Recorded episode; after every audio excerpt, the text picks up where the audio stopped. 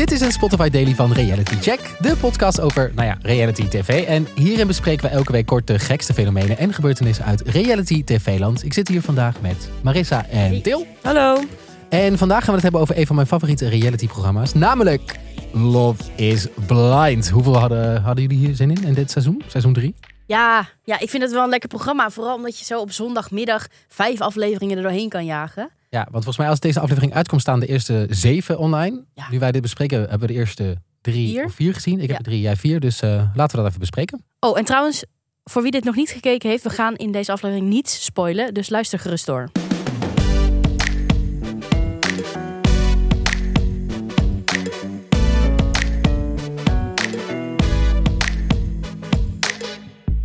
Oké, Maris, waar gaat Love is Blind over? Nou, in Love is Blind gaan deelnemers met elkaar daten. Eh, in bepaalde pods. Dus je kan elkaar wel horen, maar je kan ze niet zien. En dat is eigenlijk wel jammer, want die mensen die meedoen zijn allemaal bloedknap. Ook totaal, nou ja, dan ga ik het zo even. Ga door.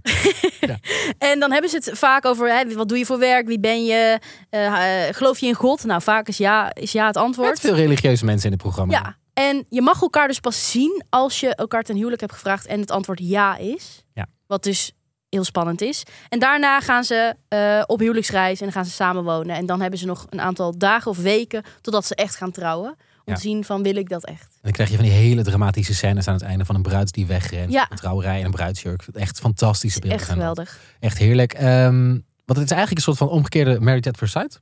Ja, want je kent elkaar dan al. Je hebt elkaar heel goed leren kennen. Je weet hoe iemand is en je bent verliefd geworden op een stem. Eh, je denkt ook echt dat die persoon heel goed bij je past. En dan zie je elkaar dus pas en dan weet je al dat je gaat trouwen. Ja. Terwijl bij Married at First Sight ga je ook trouwen, maar je kent elkaar helemaal Dus niet. het is eigenlijk een betere versie wel, toch? Want ja, de meer elkaar- slagingskans. Nou ja, ten eerste wat ik altijd met dit programma heb, is dat ze doen als Love is Blind is. Dus dat iedereen met iedereen kan, no matter hoe iemand eruit ziet. Maar vervolgens doen er alleen maar bloedmooie mensen aan dit programma. Ja. Dus is Love dan... Ik wil heel graag een keer een seizoen met gewoon hele knappe mensen, wat minder knappe mensen. En dan te kijken of het echt nog stand houdt. Of dat mensen dan denken... "Huh, Ja, ik denk dat je dan, op het moment dat je elkaar gezien hebt, dat er dan een soort afknapper komt. Want nu, ja, wat is het ergste dat er kan gebeuren? Dat iemand bruin haar heeft in plaats van blond. Want ze zijn allemaal heel knap. zijn allemaal inderdaad heel mooi. Dus, eh, maar goed, ik denk wel, eh, uit seizoen 1 zijn er nog best wel veel koppels bij elkaar. Volgens mij bij seizoen 2 niet meer. Nee. inmiddels. Want die reunie kwam dan laatst weer uit. Dan doen ze dan ook altijd een paar maanden later van zijn mensen nog bij elkaar. Ik heb ook altijd het gevoel dat er altijd eh, dezelfde soort koppels elk seizoen weer terugkeren. Dus ik dacht, het lijkt me leuk, lijkt me leuk om jullie daar even meer over te vertellen.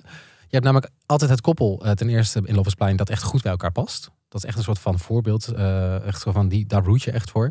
Dan heb je altijd het koppel met hele jonge mensen die aan het fladderen zijn en totaal niet bij elkaar passen. Mhm. Heb je ook nog het eh, explosieve toxic koppel, waarvan je eigenlijk denkt, wow, dit is echt, dit gaat helemaal fout. En als laatste heb je ook altijd nog het afdankertjeskoppel. Namelijk mensen die eigenlijk voor iemand anders wilden gaan, maar om maar wel Toch maar- toch in het programma te willen Ja, blijven, dan maar ja, met elkaar. ja. Die heb je ook altijd. Die zorgen ook wel voor ruzies en explosies Heerlijk. hoor. Ja, En die, zorgen zijn ook altijd drama. toxic. Maar je hebt ook echt, echt koppels nodig die eh, goed, die, die, die echt leuk zijn. Want ik vind sommige deelnemers echt heel aardig en leuk. Ja, en dus ook heel knap. En ik weet dat dit programma daar, niet Ja, over is? om draait. En ik ga ook niet spoileren Ja. van wie met wie is hoor. Maar er zit eh een hele knappe man in. En die probeert met verschillende vrouwen een connectie op te bouwen. En die heeft uiteindelijk een hele andere leuke vrouw gevonden. Dat is eh Bart Heath. Echt een snoepie. Leuk voor jou, Til, om naar te kijken. Ik eh, ben echt. eh, ik heb hem een paar keer gezien voorbij komen, Wat, inderdaad. wat vinden jullie nu tot, eh, van nu tot seizoen 3, de eerste paar afleveringen die je nu gezien hebt?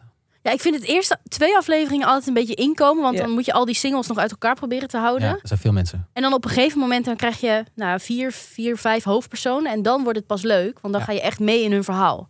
Dus de eerste is een beetje huiswerk en daarna zit je echt lekker. elke keer weer zo knap hoe Netflix dit doet.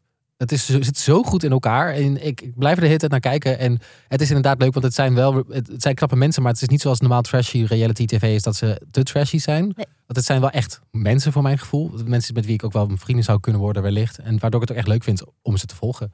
Dus voor mij is het een dikke aanrader, seizoen 3. Ja, lekker zondagmiddag, dekentje op de bank. Maandagavond, dinsdagavond, woensdag. Ja joh, kijk maar wanneer je het Wanneer kijkt. Maar het is hartstikke leuk. Hartstikke leuk. Gaan wij het zondag kijken? Leuk? Ja.